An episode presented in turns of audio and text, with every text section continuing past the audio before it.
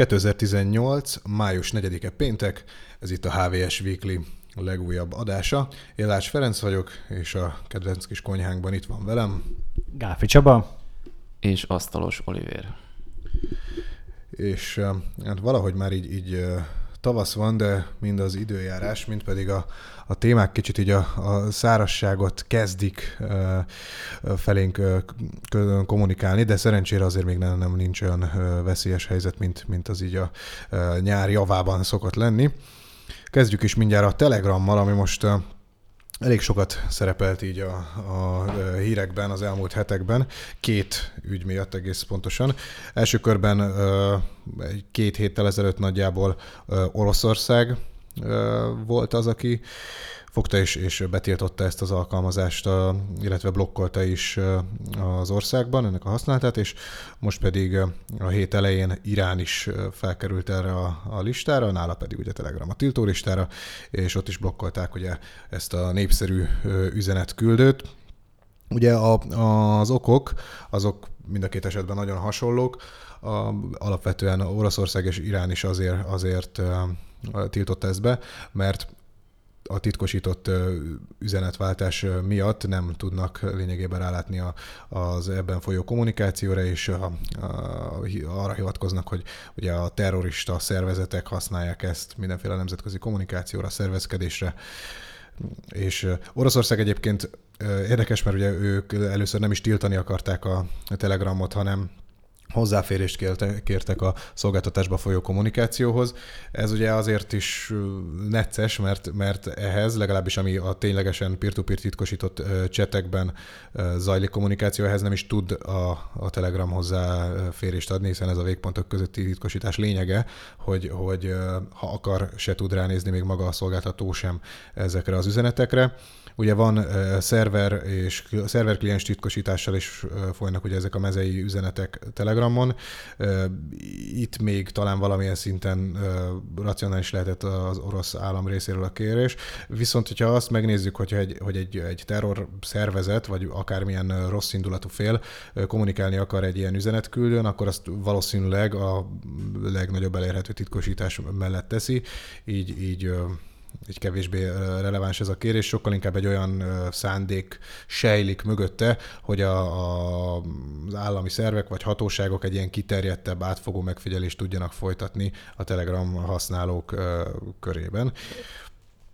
Ezt nyilván ebben nem volt együttműködő a Telegram, és, és Oroszországban ezért be is tiltották, ami érdekes, vagy hát meglepő, vagy épp nem meglepő, hogy a cég közleménye szerint ez a tiltás ez nem, nem hozott egy jelentős visszaesést, vagy akár érzékelhető visszaesést az oroszországi felhasználói aktivitásban, ugyanis nagyon sokan valamilyen VPN vagy proxy keresztül használják ezt az appot, és így így megkerülték kvázi ezt a, ezt a tiltást. Ugye ott volt még egy érdekes része a, a dolognak, hogy uh, próbált Moszkva biztosra menni, és egy sor, uh, jól emlékszem, Google meg Amazon IP-t is, uh, nem, nem csak Google-höz tartozó IP-t is blokkolt, a, ami ugye ehhez a szolgáltatáshoz köthető.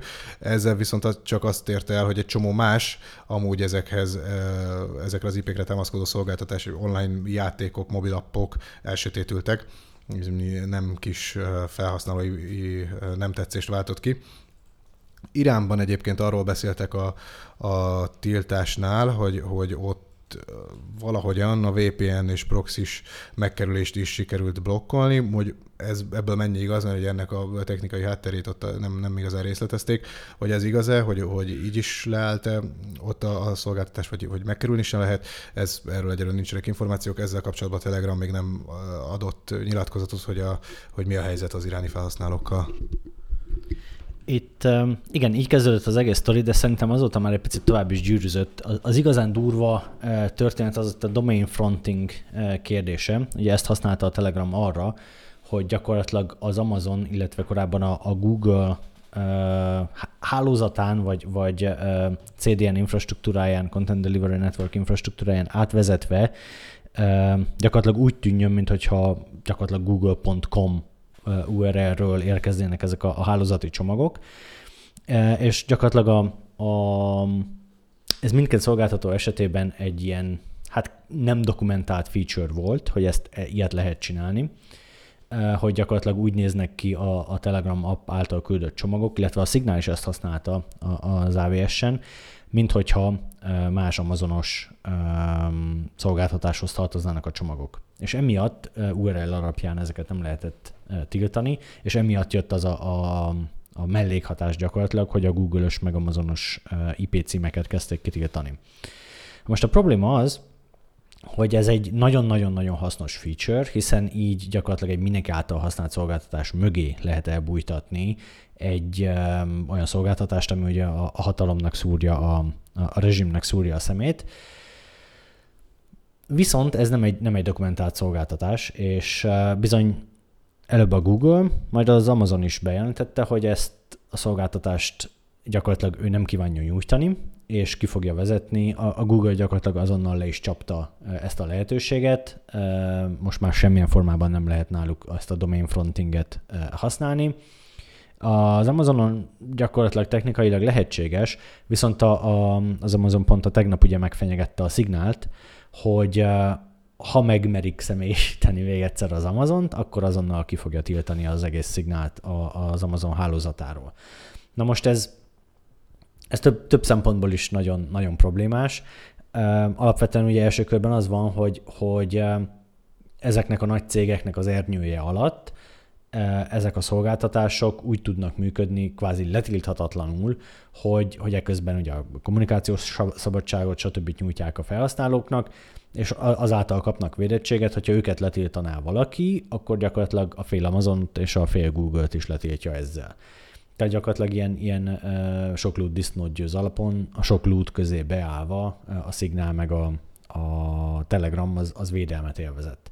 Most azzal, hogy, hogy ezt a, a, a védelmet a Google és a, a, az Amazon is megvonja ezektől a cégektől, ezzel gyakorlatilag odatolja nekik őket a, a, hát a, a demokratikus rezsimek mellett a nem demokratikus rezsimeknek is, és az viszont egy, egy komoly etikai dilemma, hogy, hogy hogy blok, blok, csak úgy ki, ki magára hagyjuk, és, és blokkolhatóvá tesszük a Telegramot meg a Szignált, az, az vajon egy, egy, egy védhető üzleti döntése vagy sem. Tehát oké, okay, azt értem, hogy a, az Amazon meg a Google azt mondja, hogy az fontos, hogy az orosz felhasználók a jövőben is elérjék a Google Engine-en, vagy, vagy Google Cloud, Cloud platformon futó alkalmazásokat, de hogy, hogy nem biztos, hogy ez egy hosszú távon sikeres, vagy, vagy politikailag, vagy, vagy etikailag védhető döntés. Igen, a, egyébként ami a felhasználó számokat illeti, az oroszoknál ez egy 14 milliós bázisa van a, a Telegramnak, Iránban egy jóval jelentősebb, 40 milliót, 40 milliós bázis tart számon a, a cég, tehát hogy ez, ez azért szép számú felhasználót érint. Igen, ez, ez kérdés, hogy, hogy le van, lesz olyan alternatíva esetleg, amire tudnak váltani. Érdekes, egyébként Iránban van egy ilyen kvázi állami fejlesztésű ilyen chat amire biztat mindenkit a, a, az ottani hatóság, hogy váltsanak át, amiben még a, a halál Amerikára emojik is bekerültek, de hát valószínűtlen, hogy ez, ez egy bármilyen formában is használható alternatíva lenne a, a titkosított Telegrammal szemben, Telegram helyett. Az az érdekes egyébként, hogy a Google ugye több saját projektet is, ilyen non-profit projektet is üzemeltet, aminek kimondottam például a, a véleményszabadság megőrzése a célja. Van például a Project Shield, ami a különböző kisebb blogokat, vagy kisebb uh, online publikációkat védi DDoS támadások ellen, és ilyenkor ezt gyakorlatilag teljesen ingyenesen nyújtja a, a Google minden olyan kiadványnak, akiket mondjuk így a, a szaudiaktól az oroszokig szoktak doszolni, amikor kellemetlen híreket jelenítenek meg, és akkor ilyenkor a Google teljesen átválja az egyébként meglehetősen költséges e, DDoS védelmet, és, e, és fenntartja ezeket a blogokat a, az interneten, hogy az az információ eljutasson azokhoz, akik, akiknek erre szükségük van. Igen, ez mondjuk érdekes kérdés, hogy a, a Google-nél hol húzzák meg azt a vonalat, ami, ami az ilyen, ahogy mondtad, mondjuk szólás meg szabadságnak, a meg vélemény szabadságnak a, a megőrzéséhez való tevékenységeket fogja, hiszen a, látjuk, hogy, hogy egy ilyen Project Shield is lehet úgymond egy szembehelyezkedés, a, akár egy, egy mondjuk egy orosz állami intézkedéssel. Úgy látszik, hogy, hogy mondjuk egy ilyen telegramos történet már nem fér bele nekik. Pedig ugye tényleg ebből látszik, hogy nem példátlan az, hogy ők, ők valamilyen mód, úton, módon megpróbálnak segíteni ezeket a, a, az ott, ott élő felhasználókat ezeknek a, a korlátoknak a kikerülésében. Azt kell egyébként még tudni, hogy a Telegramot azt, oké, okay, mi a legtöbben privát üzenetek váltására használjuk, de például Oroszországban ott a channelök, a csatornák a, a, a menők, amik gyakorlatilag egy mikroblog szolgáltatásnak felelnek meg, tehát ilyen, ilyen blog, bloggerek, blogok, és egész nagy online kiadványok is oda felteszik a cikkeiket, és gyakorlatilag kvázi mint Twitteren őket így be lehet követni, és lehet olvasgatni azt, amit, azt, amit ők publikálnak és erre kvázi egy ilyen, egy ilyen szekunder webre felkerülnek olyan anyagok, amik egyébként um, hát bosszantják a, a rezsim csőrét. Ott igazából, tehát egy ilyen, egy ilyen mass media uh, hatása is van ott a, a Telegramnak, vagy, vagy funkció is van ott a Telegramnak. Oké, hát akkor szerintem kiveséztük ezt a telegramos témát. Szerencsére itt még nem tiltott így tudjuk használni a szerkesztőségi kommunikációhoz. Amiben például a héten azt is megvitattuk, hogy hogy áll az Apple legutóbbi negyed éve, ugyanis a napokban, egészen pontosabban május 1-én zárult az idei év első negyedéve. Hát akkor egy pár sarokszámot tovább nőtt a vállalat forgalma 16%-kal, hát azért még nincs itt vége a növekedésnek ezzel egy potom 61,1 milliárd dollárt könyvelt el a cég. Az adózott profit 28%-kal nőtt, ez ugyancsak egy rendkívül szerint 13,8 milliárd dollárt jelentett, azaz ennyi volt a tiszta haszon három hónap alatt, az év első három hónapjában. Na de azért vannak itt ennél érdekesebb dolgok. Ugye már évvégén lehetett hallani olyan plegykákat több forrásból is, hogy az iPhone X az nem teljesít úgy, mint ahogy az Apple szeretné. Azt hiszem a Reuters volt az első, aki december végén elkezdte kongatni a vészharangokat különféle beszállítói hírekre, forrásokra vonatko- illetve alapozva. Ők azt mondták akkor, hogy 40%-kal csökkentették a, az idei év elejére az iPhone X gyártására adott megrendelést, és hát ezt így nem támasztja alá nyilvánvalóan a most kiadott pénzügyi jelentés, ugyanakkor az jól látszik, hogy azért az az iPhone X közel sem akkora duranás, legalábbis darabszám tekintetében nem akkora duranás, mint például az iPhone 6, meg a 6 Plus volt, ugye ez a két készülék volt az első két nagyképernyős iPhone, és hát ezekből a megjelenés utáni első negyed évben, azaz 2015 első negyed évében fogyott 61,2 millió, nem csak ezekből, hanem nyilván a teljes palettával, tehát lebontva az Apple nem közli, hogy melyik modellből mennyi fogyott, de mondjuk azt jól szemlélteti azt a sikert, hogy, hogy összesen akkor 61,2 millió iPhone fogyott. Na most ezzel szemben most 52,2 fogyott, ebben az iPhone X, a, a 7, a 8, meg az SE is, tehát gyakorlatilag a teljes termékpaletta.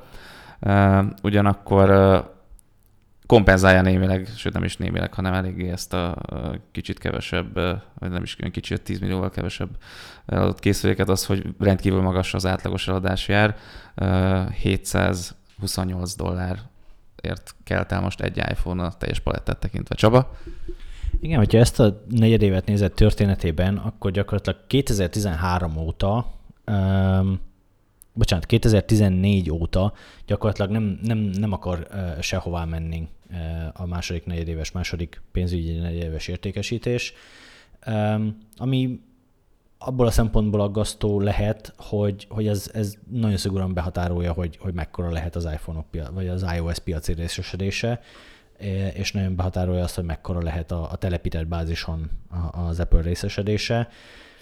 és ez, ez bizony beszorítja a, a céget így eladásokban mondjuk a piac egy hatodára, hetedére, tehát körülbelül egy olyan 12-15 százalékra, a telepített bázison pedig mondjuk ennek duplájára, mert nagyjából kétszer annyi ideig használnak egy iOS-es telefon, mint egy androidos telefont, ugye az a 85%-ot az adja, tehát hogy körülbelül ilyen 60-30, 65-35 arányú a megoszlása a, a két platform részesedése között, és ez, ez egyik irányba sem tud igazából kitörni.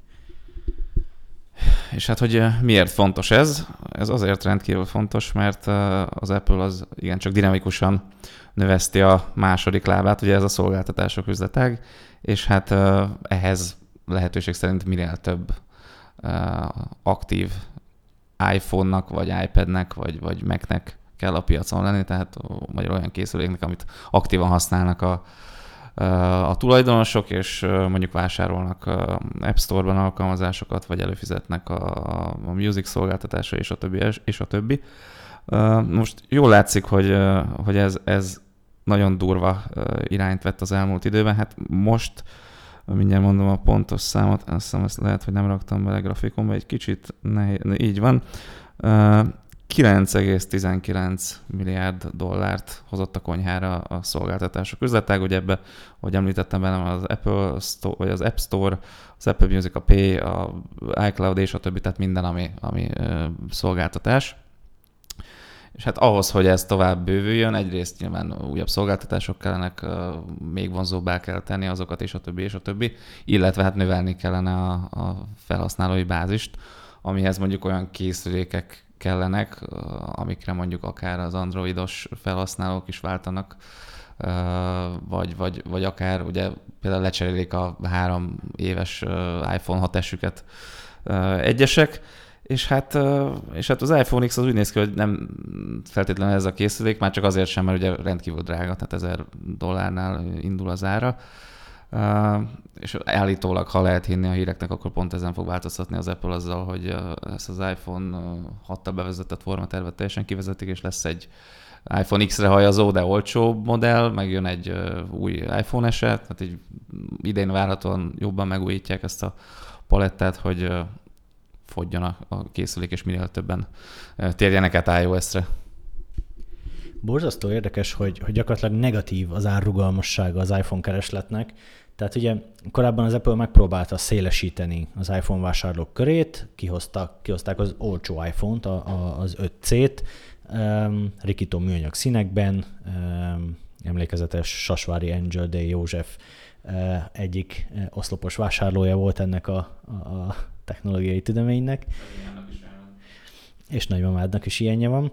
Um, de gyakorlatilag ugye annyira virított erről az eszközről, hogy ez az olcsó iPhone, pirosban, meg, meg zöldben, meg kékben, meg, meg sárgában jött ki, hogy, hogy gyakorlatilag ez limitálta magának a telefonnak a sikerességét. Ugye árpérértékben ez egy tök jó, tök jó ajánlat volt, de gyakorlatilag süt, tehát mikor kézbe vetted és, és nyomkodtad a metrón, akkor is sütött róla, hogy, hogy, hogy te csak az olcsó, olcsó iPhone-t vetted meg idén, és megérzésem szerint ez így erősen limitálta ennek a modellnek a sikerességét.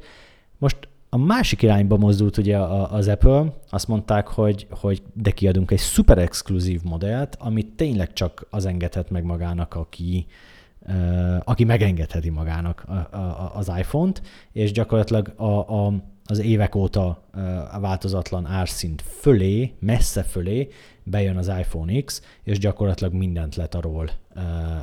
Hát bizonyos értelemben. Mondhatjuk azt is, hogy az, az iPhone 8 volt az, ami sikertelen volt igazából, és az iPhone 8-at a, a nagy testvér az iPhone X kannibalizálta. Vár, és akkor így bejön az, hogy, hogy csalódást keltő az iPhone X teljesítménye, vagy nem abban az értelemben, hogy, hogy nem tudta elérni a korábbi csúcsmodellek méretét vagy eladásait, volumenét, az abból a szempontból kvázi csalódást keltő, de, de nem annyit kannibalizált árban, mint amennyit volumenben elvett, úgyhogy gyakorlatilag bevételben azért csak additív volt. Um, kérdés az, hogy, hogy, hogy az Apple számára mi, mi lesz a, jövőben a járható út, tehát hogy, hogy egyre inkább elmozdulnak a super prémium irányba ezzel a, a, a stratégiával, vagy, vagy igen, tehát hogy nem, nem, nem látom azt, hogy, hogy a, a néptelefonnál válna ezzel a stratégiával az iPhone. Nyilván ahhoz, hogy, hogy profitot termeljünk, erre nincs is szükség. Egy érdekes adatot még azért bedobnék, Strategy Analytics ma publikálta a, a felmérését az okostelefonos piacról, és ők azt hozták ki, hogy az iPhone X a világ legnépszerűbb okostelefonja volt az elmúlt negyed évben, amihez nyilván az is kell, hogy, hogy nyilván az Android a piac 85%-a, de hogy az viszont annyira szétszabdalt, és ugye különböző gyártók különböző modelljei között is szétszabdalt, hogy hogy egy, egyetlen ilyen modell, az iPhone X, ami gyakorlatilag ugye most a, a, az iPhone-ok felét adta, nagyságrendileg körülbelül ilyesmi lehet, ugye lenyomta az iPhone 8-at, és le tudta nyomni az összes androidos terméket is saját hatáskörben, úgyhogy ebből a szempontból masszív siker, más értelemben viszont, viszont nem előrelépés az Apple számára. Hát igen, mondjuk én azon nem csodálkoztam egy pillanatra sem, hogy az iPhone X eladásokban lenyomta a 8 meg a többit, és ugye Tim Cook annyit mondott, hogy az elmúlt pár hétben, magyarul hát az január elejétől március végéig minden időszakban az iPhone X-ből adtak el legtöbbet, tehát többet, mint az a 8-ból, a 7-ből, meg aztán a 6 is fent van még a palettán, meg ugye az SE. Na most hát ezt lehet tényleg úgy is értelmezni, hogy, hogy a, a többiből adtak el keveset, nem ebből sokat, de nyilván egyébként annyira nem fogyott rossz ez az X, fogyhatott volna jobban is. Uh, igen, igen. Én mondjuk nem fogok meglepődni azon, amit egyébként egyre többen pedzegetnek, hogy a iPhone X-nek, tehát a, ugye a mostani modellnek a közvetlen utódja az olcsóbb lesz. Tehát az, az, az visszaáll ebbe a, hát azt nem mondom, hogy olcsó, de de azt hiszem, hogy 800 dolláros sávba, és majd jön a, az iPhone X 4Z Plus, vagy nem tudom, hogy fogják hívni, és akkor az megy majd be a, a mostani 1000 dolláros árszintre.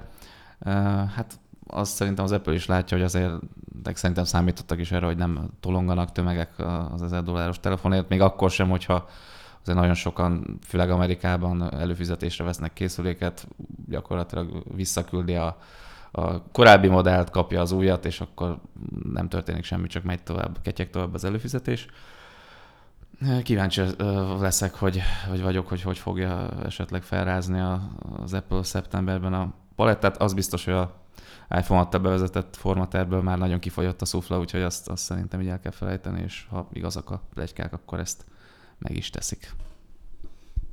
Azért hozzáteszem, hogy szerintem az iPhone XL pont a, a, az iPhone 6 legrosszabb elemeit, a lekerekített sarkakat, meg a, a különösen csúszós szappan jellegű borítást sikerült továbbvinni. Tehát számomra, mint potenciális vásárló, az X sem akkora előrelépés formatervben, pont a, pont a külső borítást tekintve, hogy, hogy érezhető különbség legyen. De mondjuk ebben az értelemben a, a Galaxy S9 is pont olyan, olyan csúszós borzodály, meg az új Sony Xperia XZ2, ami most éppen itt az irodában, az is egy, az, mint, mint a, a, a, a, hát nem is tudom, a taknyos szappan úgy csúszik, tehát hogy így, így nem is értem, hogy, hogy mit gondolnak a termékfejlesztők, amikor ezeket kidobják. Mondjuk nekem az nem tetszik a, ebbe a hatosra elkezdett formaterve, hogy eléggé pazarló ugye a, a képernyő a méretet tekint, vagy az előlap versus képernyő terület. Ugye ezen azért az X-nél nagyon sokat javítottak. Mm, de az tény, hogy mondjuk nekem is jobban tetszett, a, hogy tetszik a öt formaterve, meg ugye az SE is azt vitte tovább. Nem, nem látom annak a realitását, hogy hirtelen visszaállnának a kocka dizájnra. A közeljövőben úgy, úgy nézem, hogy most ez a trendi, hogy lekerekített sarkok mindenhol. Tehát ez egy, egy designer ezt jobban meg tudám mondani, hogy mi ennek az oka.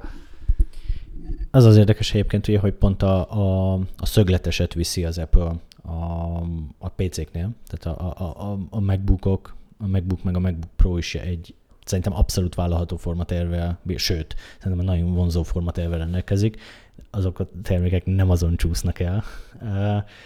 Igazából egy kicsit meg tenni az iPhone-t, szerintem nekem nagyon, nagyon bejönne legalábbis. még úgy is, hogy esetleg üveg a hátlap azért, hogy wireless lehessen tölteni.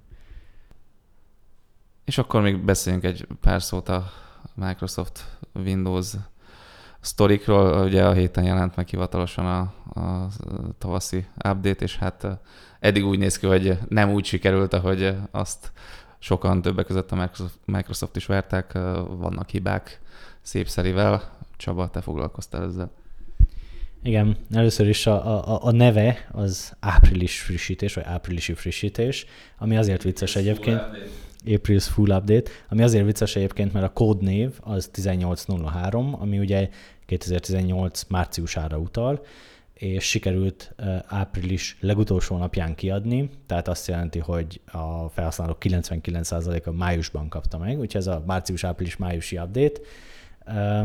Ugye volt ebben egy masszív csúszás, a Microsoft egy utolsó másodpercben fedezett fel egy, egy komolyabb problémát, ami miatt, amit úgy érezték, hogy, hogy ezt ki kell javítani, kijavították, és akkor így érkezett meg a felhasználókhoz, ahelyett, hogy előbb kidobták volna, és akkor egy kvázi egy azonnali frissítéssel frissítették volna.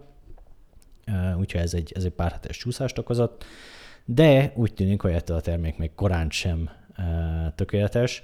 Van benne néhány olyan probléma, ami, ami egyrészt bosszantó a felhasználóknak, és most már van hivatalosan egy, egy, egy komoly probléma is. A Tröld.com felfedezte, hogy a Microsoftnak van egy kommunikációja arra, hogy van egy ilyen bug, ami gyakorlatilag beakasztja a Windows-t. A Microsoft jellemző módon annyit mond most csak, hogy, hogy megakad, freezing issue, tehát beakad vagy, vagy kifagy, olyan alkalmazások futatása közben, mint a Cortana, vagy a Chrome. tehát, tehát csak a C-betűs alkalmazások, legalábbis ezt, ezt említette a cég. Uh, igen, tehát hogy Chrome-ot azért valószínűleg elég sokan futtatnak a, a felhasználók közük, a 60-70 százaléka, tehát az a probléma, ami a Chrome futtatása közben jön elő, az így elég sok embert érinthet.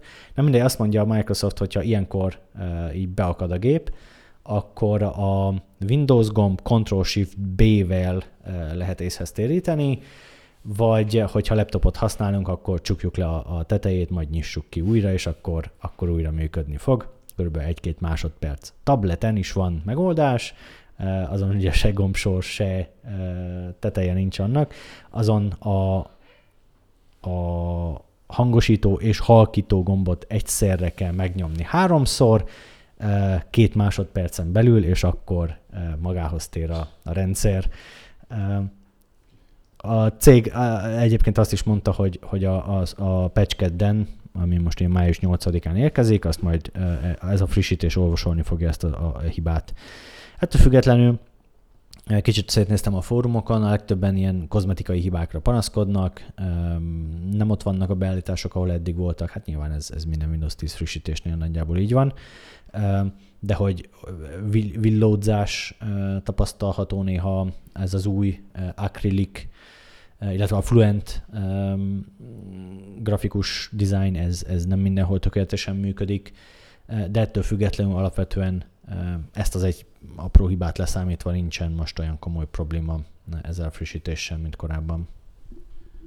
Nekem erről az egész uh, uh, kotyvaszról, ha lehet így fogalmazni, az jutott eszembe, hogy uh, ugye az Apple is ebből a kutyagómival lépett most ugye iOS-t évente adnak ki, minden év szeptember X-edikén, 10-én, 16-án, nagyjából egy héten belül, és hát e, ez a feszített tempó most odáig vezetett legutóbb, hogy sikerült egy igencsak pocsék 11-es verzióval megjelenni, és hát a Microsoft is végül is ezt vállalta, hogy tavasszal meg ősszel jönnek a frissítések, és hát ezt ki kell adni, ki kell adni. Oké, most elcsúsztatták, de, de hát látjuk, hogy hogy mi az eredménye annak, hogyha határidőre kell szigorúan dolgozni. Én ezt nem, nem tartom jó ötletnek, inkább lennének rugalmasabbak. Oké, jöjjön minden évben egy nagy frissítés, mit március és október között valamikor, de akkor az tényleg legyen olyan, hogy, hogy ne legyenek benne ilyen idegesítő hibák, amik uh, nagyban befolyásolják a, a használhatóságot, meg a felhasználói élményt. Közben jelentem, hogy uh, most éppen az általam használt gépen a 2008-as kiadású Penrin generációs Intel Core 2 Duo P8400-ra is már megérkezett ez a, az April update. Ez korábban um, hetekkel, sőt hónapokkal később szokta megkapni a, a frissítéseket, de a Microsoft egyébként most jelezte is, hogy, hogy ezt a frissítést sokkal több gépre, sokkal gyorsabban fogja kiadni. Tehát az, a, hogy hetekig, hónapokig húzza az automatikus frissítést, az most nem fog megtörténni. Ez gyakorlatilag a következő heteken belül ki fog csúszni mindenkinek. Úgyhogy majd figyelje mindenki a, a, a frissítést, és amikor le, lecsukja a gépét, akkor, akkor figyeljen arra, hogy amikor felnyitja, akkor lehet, hogy majd az update screen-t fogja látni. Úgyhogy inkább, én inkább mindenkinek azt javaslom, hogy, hogy válasszon ki egy, egy fél órát, amikor ezt feltelepíti, vagy fe, meg tudja engedni, hogy feltelepedjen, és így essen túl rajta idő előtt, mert ezek általában, ha ezt nem tesszük meg, akkor általában mindig rosszkor jönnek elő. Én egy pár adásra ezelőtt említettem, hogy márciusban tettem fel az őszi frissítést, és hát azzal is volt szívás, és akkor így megfogadtam, hogy na a tavasz itt nem teszem fel, hát most megerősített benne, hogy véletlenül se forduljon meg a fejembe, majd megvárom az őszit, és akkor frissítek. Mm, nem, tehát az early adopter problémák azok mindig megvannak, úgyhogy ha csak nem nagyon muszáj valamilyen funkció miatt felrakni a frissítést, akkor mindenkinek azt javaslom. Én ugye Pro verziót használok Windows 10-ből, nem tudom, hogy a Home-nál van olyan lehetőség, hogy elhalasztani az ilyen frissítéseket. Én beállítottam szépen 180 napra az elhalasztást, úgyhogy nem zaklat azzal, hogy meg nem ér majd olyan kellemetlen meglepetés, hogy egyszer csak bekapcsolom a gépet, és fél óráig vagy egy óráig telepítget nekem. Én is Pro-t használok, és nekem egyébként 365 napot tesz lehetővé elcsúsztatásra. Um, úgyhogy, illetve 35 napig el lehet csúsztatni az összes frissítést igény szerint. A biztonságiakat is, így van. Én inkább azt mondom, hogy ezen, ezen érdemes most túlesni. Rendben. Mi pedig azt hiszem, hogy túlestünk a, a mai adáson. Köszönjük a figyelmet, és hát találkozunk jövő hét pénteken. Én Asztalos Olivér voltam, és itt volt velem Gáfi Csaba. És Les Ferenc. Kellemes hétvégét a viszonthallásra.